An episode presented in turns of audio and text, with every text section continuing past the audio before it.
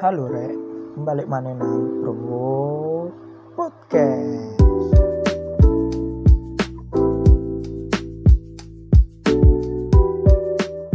Assalamualaikum warahmatullahi wabarakatuh. Halo Sobat Pro, kembali lagi bersama kami di Pro Podcast. Bentar-bentar, ini kan baru episode pertama. Harusnya Oh, iya. kenalan dulu dong. Oke oke lupa lupa maaf. maaf. Eh, sesuai kata tak kenal maka tak sayang. Jadi kita kenal dulu ya. Supaya nanti para pendengar kita jadi lebih sayang lagi ke podcast kita. Iya dong. Hai semuanya. Kita dari Pro Podcast. Podcast Radio Kampus Universitas Islam Malang. Bersama saya Devi Dan Irawan. saya Ondeng Fadil Fala. Jadi pada kesempatan kali ini kita akan membahas tentang bagaimana sih cara mengatasi kemalasan di kala pandemi ini. Hmm. Jadi gimana caranya kita lebih produktif, apa produktif lagi itu. Iya. Tapi sebelum itu kita memperkenalkan diri dulu. Jadi Pro Podcast ini kami dari Radio Pro MLFM channel 107,4 MHz. Jadi gimana nih cara kita menghadapi malas, rasa malas tersebut di kala pandemi? Menurut Mas Dewi sendiri gimana?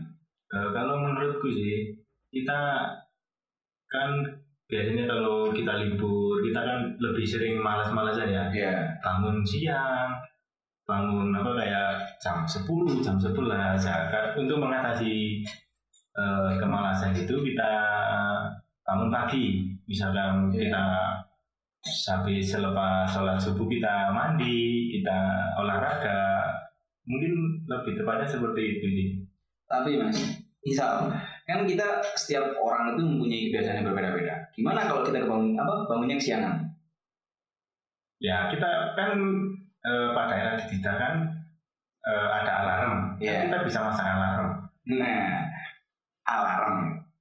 Kembali lagi, kan setiap orang berbeda-beda. Misal nih, saya ketidur apa tidurnya malam. Terus bangun itu aku alarmnya itu misal aku tidur jam 2 nih. Aku alarm setengah 4 siapan buat apa bangun saat subuh nih. Tapi setengah 4 alarmku bunyi dan aku nggak denger gimana itu. Ya mungkin jangan jangan dibiasakan tidur jam 2 kita tidur kesorean lah. bisa, bisa, bisa. Jadi nggak kemalaman agak kemalaman kesorean. Ya bisa, bisa. Mungkin jam-jam tidur jam 10, jam 11 kita biasa kan tidur jam segitu. Nah, tapi misal kita nggak terbiasa atau kita lebih terbiasa ke arah insom. Tahu kan insom? Ya Itu gimana kira-kira? kan di artikel di Google kan banyak Ya. yang menjelaskan tentang bagaimana sih cara mengatasi insomnia. Nah, kita bisa bisa searching searching searching di Google cari masukan dari teman-teman yang lain. Ya. Nah, kita bisa mengatasinya lah. Terus selain itu mas, mungkin bisa diulas lagi bagaimana cara mengatasi rasa malas di kala pandemi. Hmm, kalau di rumah, hmm, kalau di, kalau di rumah kan kita bisa bisa apa cari referensi di Iya. Google. Nah, kita coba cari referensi dari artikel ini ada artikel dari kinerja.net. Ya, Indonesia.net. Jadi pandemi COVID-19 ini sudah membawa apa, mewabah di Indonesia tepatnya sejak pertengahan bulan Maret 2020 lalu dan belum menunjukkan tanda-tanda akan segera berakhir. Dan yang mengharuskan semua aktivitas kegiatan pembelajaran yang semulanya kita laksanakan secara offline menjadi daring atau online. Terus dari artikel ini mungkin Mas Yudi bisa menjelaskan apa aja kira-kira. Nah, ini ada beberapa tips yang eh, ditulis oleh kinerja.net ya. Yang pertama itu mempersiapkan diri layaknya hendak pergi ke kantor atau sekolah. Jadi kita mensimulasikan lah eh, kegiatan kita seperti yang apa saat kita pergi ke sekolah ataupun bekerja. Oh ya. Jadi kita prepare-prepare seperti peralatan sekolah atau gimana gitu? Ya enggak, enggak ke sekolah, enggak pakai seragam juga. Iya.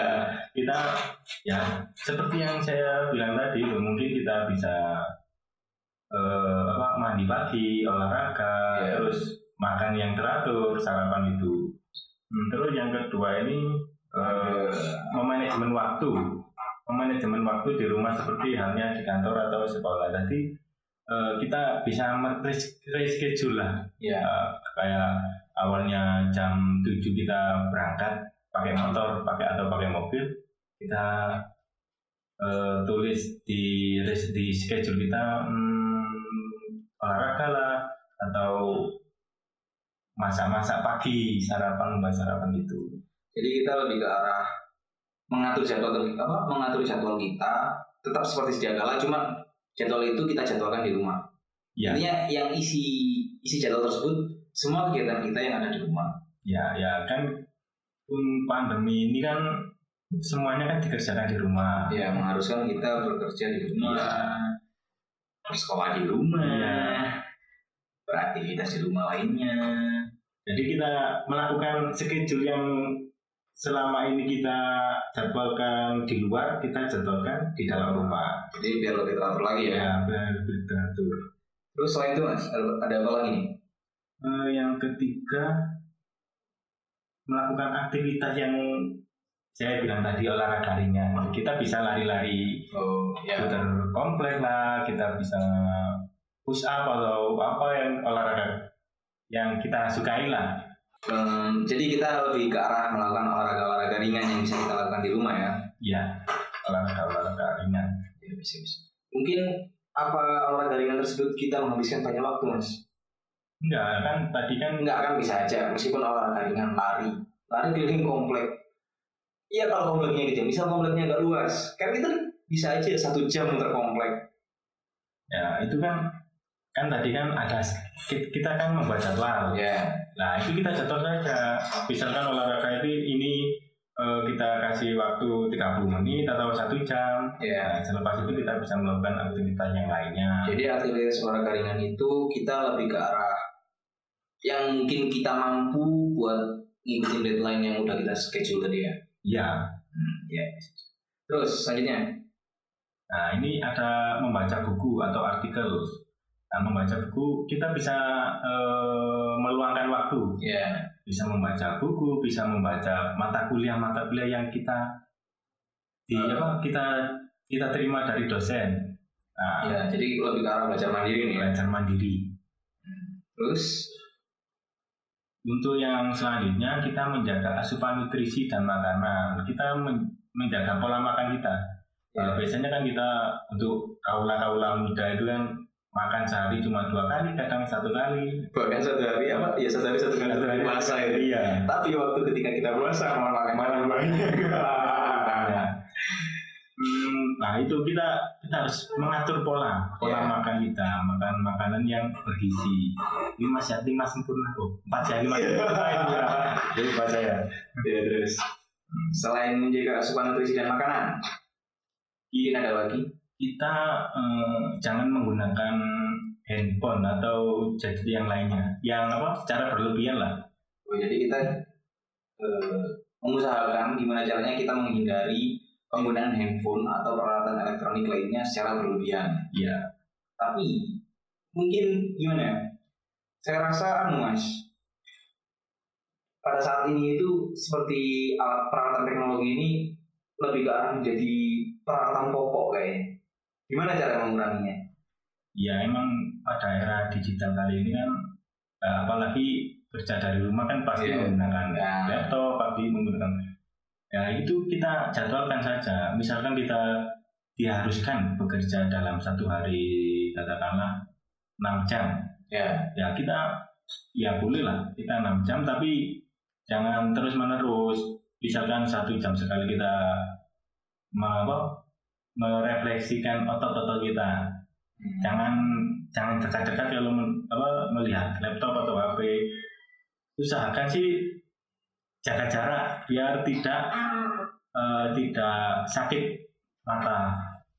Oh, jadi kita lebih ke arah membatasi ya, membatasi. Membatasi penggunaan peralatan elektronik. Mungkin itu dari ulasan anu ya, dari artikel apa tadi? Kinraja.net kinerja.net selain di rumah, apalagi ya cara mengatasi kemalasan kala pandemi. Hmm, oh iya, ini kan kita masih bisa datang ke kampus. Bisa kita bisa sih datang ke kampus, tapi dalam protokol kesehatan. Nah, Iya. menurut Mas Ondang ini, gimana eh, mengatasi kemalasan kalau kita di lingkungan perkuliahan? Mengatasi kemalasan di lingkungan kuliah. kalau menurut saya sendiri sih, kan posisinya kita sekarang pandemi nih mas ya. Ya, Jadi segala-galanya kegiatan kita sekolah atau pergi kampus itu dibatasin atau kita lakukan secara online. iya iya. Eh, mungkin tapi kan nggak semuanya itu mas maksudnya nggak semuanya kita dibatasi secara online ada beberapa kegiatan yang masih kita lakukan secara offline dalam artian atau tanda kutip dua itu yaitu yang masih bisa dilakukan atau memiliki kepentingan yang lebih penting. Jadi gimana ya? Dia diprioritaskan gitu. Misal kegiatan kita bisa menghilangkan rasa malas kita atau membuat masa-masa kita ini menjadi lebih produktif dengan mengikuti kegiatan-kegiatan kampus yang masih bisa dilakukan di kala pandemi. Seperti mengikuti UKM atau kegiatan kampus. Tapi ya tetap memperhatikan kebijakan-kebijakan kampus.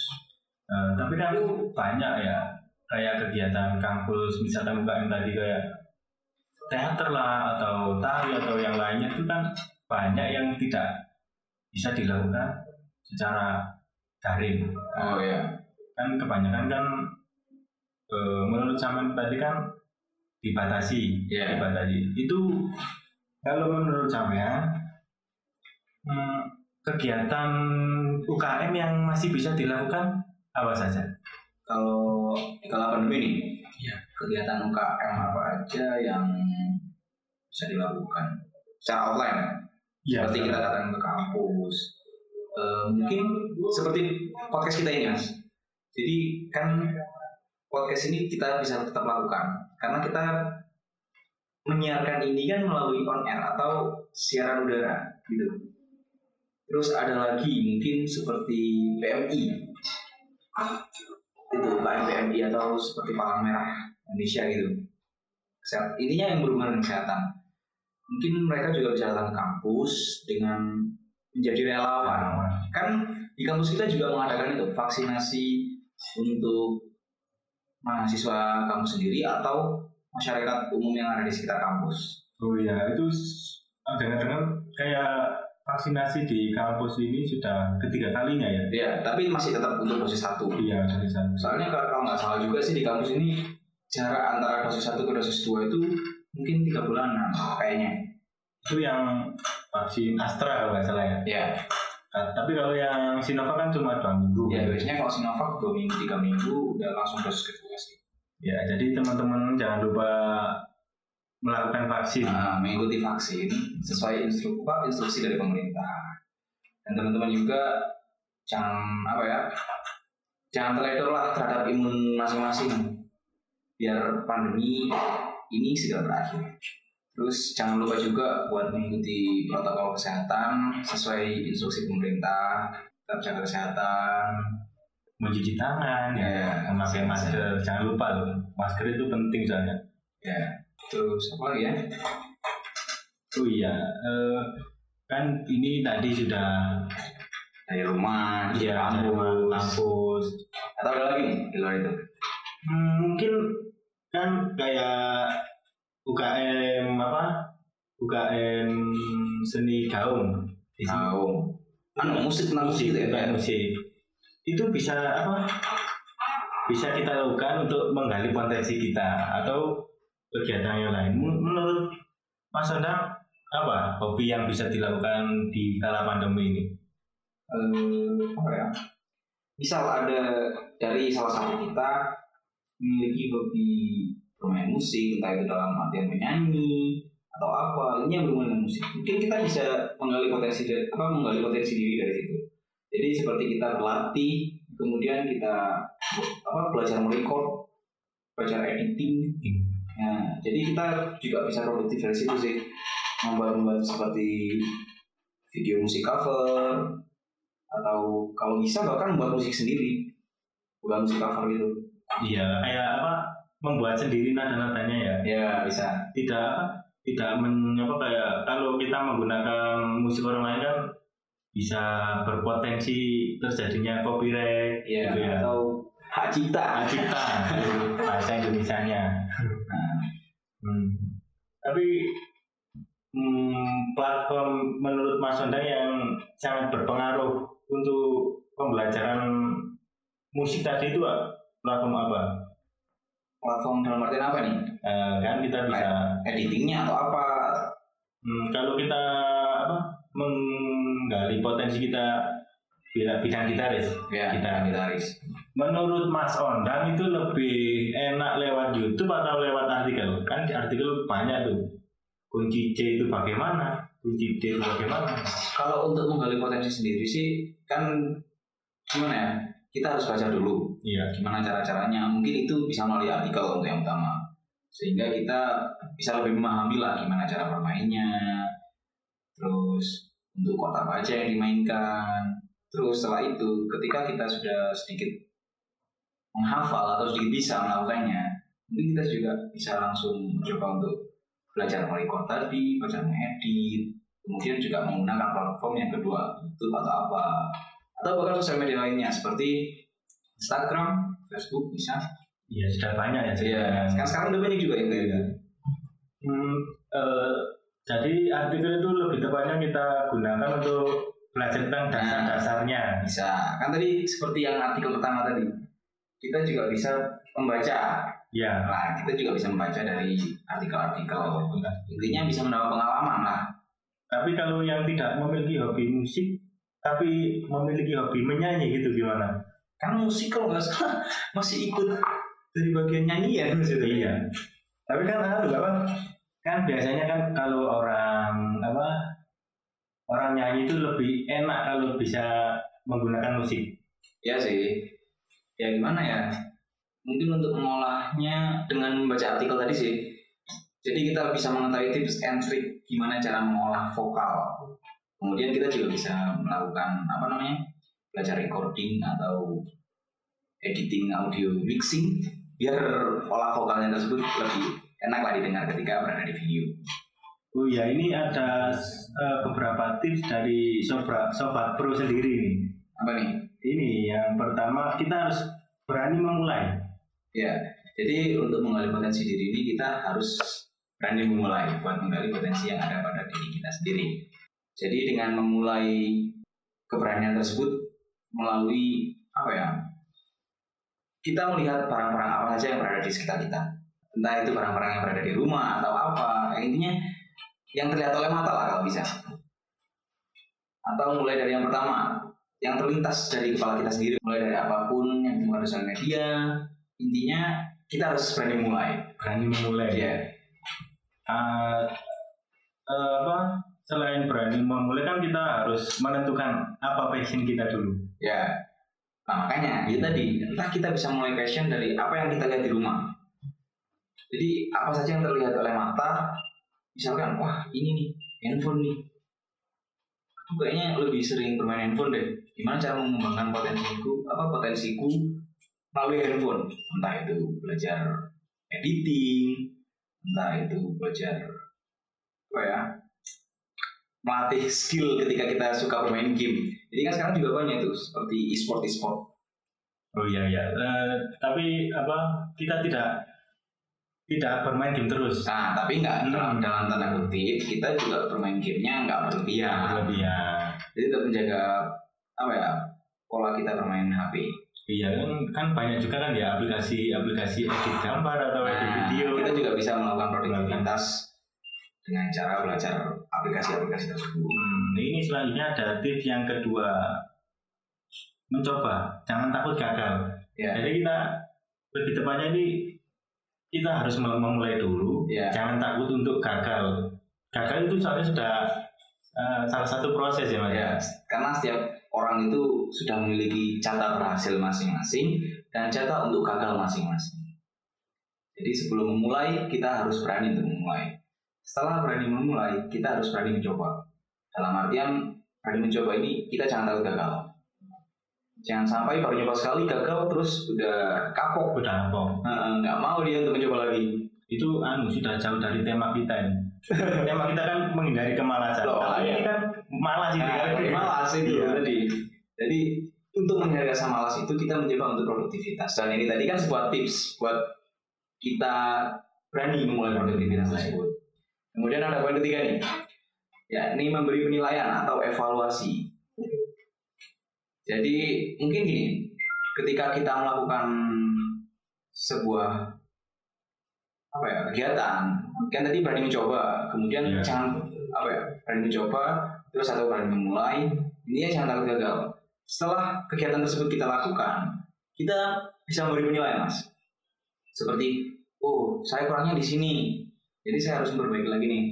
Nah memperbaiki lagi ini itu masih termasuk dalam konteks kita mempelajarinya lagi. Jadi masih ikut jadi apa ya kegiatan belajar lah pelajari diri sendiri kemudian menggali potensi tersebut Tapi kan biasanya kan eh, katakanlah kita beri nilai 1 sampai 10 ya. ya Kita berada di posisi 6 itu sudah jumawa gitu. wah Kan kita sudah, wah ini loh, aku sudah sampai sini. Nah, itu bisa Itu kan biasanya kan kita jadi malas kan. hmm. Nah itu gimana cara mengatasinya kalau menurut Mas ya kita memotivasi diri sendiri lebih banyak misalkan kita udah angka 6 udah bangga nih terus kita perhatikan sekitar kita. Misalkan ada teman kita yang lebih lebih bisa dari kita. Ya kita memotivasi diri sendiri. Masa teman aku bisa aku enggak sih? Alah mencoba masa masa gini sih? Masa gitu sih? Terus gitu. Tetap memotivasi diri sendiri. Ya, lebih, malas. Nah, masa kita kalah sih sama orang? Lebih tepatnya kita harus mempunyai cita-cita yang lebih tinggi. nah Jangan terpaku cuma sudah segini kok sudah apa kayak jangan gampang merasa Iya, cukup jangan gampang merasa cukup.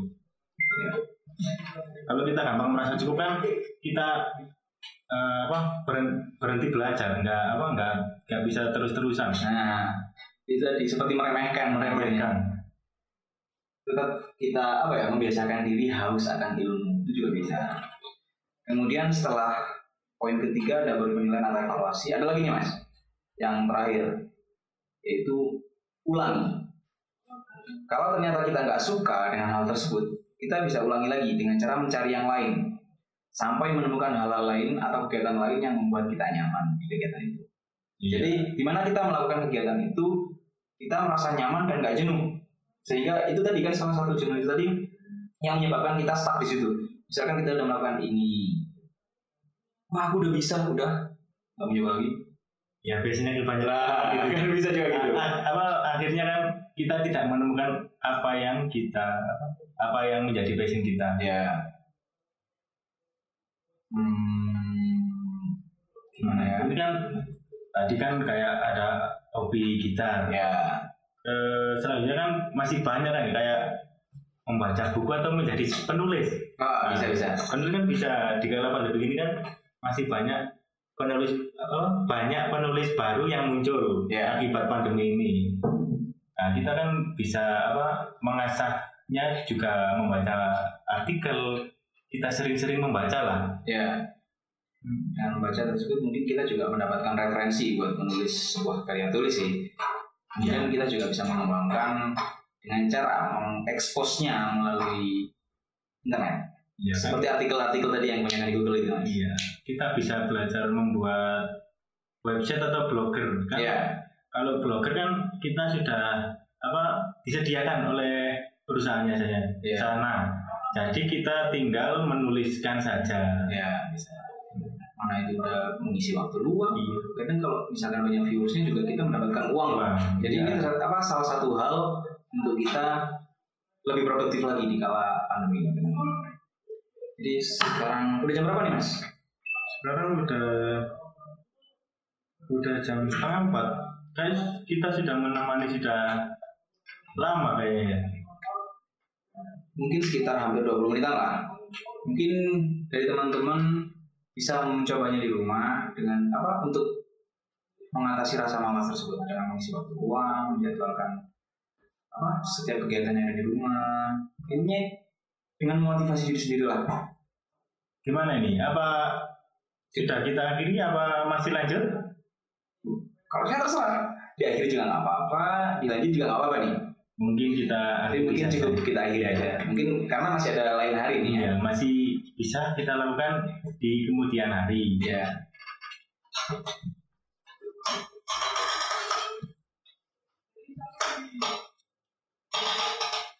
Terus jadi baik teman-teman semuanya, terima kasih buat para pendengar atau podcast apa ya? Pod- ini yang pendengar podcast kita lah. udah mau dengerin Pro Podcast. Kemudian Ya, jangan lupa kunjungi IG Instagram kita lah. ya jangan lupa juga untuk kunjungin Instagram kita di @pro.m.l atau el underscore fm atau nanti kalian juga bisa komen atau di DM atau DM untuk judul atau topik buat podcast selanjutnya. Jadi kalian bisa request gitu. Kalian juga bisa kirim cerita lewat DM Nah, atau lewat email. Ya, email kita itu di radio promlfm underscore at gmail.com Kalian bisa menceritakan tentang kejadian apa yang kalian alami di rumah kalian. nah jadi seperti membuat cerita gitu Mas, ya. membuat cerita. Jadi teman-teman yang di rumah mungkin sudah pernah apa ya membuat cerita atau apa kan biasanya tuh ada tuh orang yang kebiasaannya nulis dalam artian kayak bikin diary itu mas tau nggak Oh ya, kayak kan buku-buku diary di aplik- aplikasi apa aplikasi HP kan sudah ada. hmm. Kan biasanya kan kalau orang-orang yang suka menulis itu suka mm, mencatat hal-hal yang penting di apa setiap harinya itu loh. ya jadi dia mencatat momen-momen Momen-momennya lah. Nah, bisa bisa bisa jadi setelah kalian kirim melalui email kita di radiopromlfm.gmail.com nanti kita bakal bacain di episode selanjutnya. Kemudian sampai ketemu di next episode. Dan jangan lupa tetap mengikuti protokol sehat apa protokol kesehatan dengan memakai masker sesuai nah, mencuci tangan sesuai instruksi dari pemerintah. Dan buat rekan-rekan sekalian juga jangan keluar rumah ya kalau nggak urgen-urgen banget dan stay safe Stay healthy. dan Wassalamualaikum warahmatullahi wabarakatuh.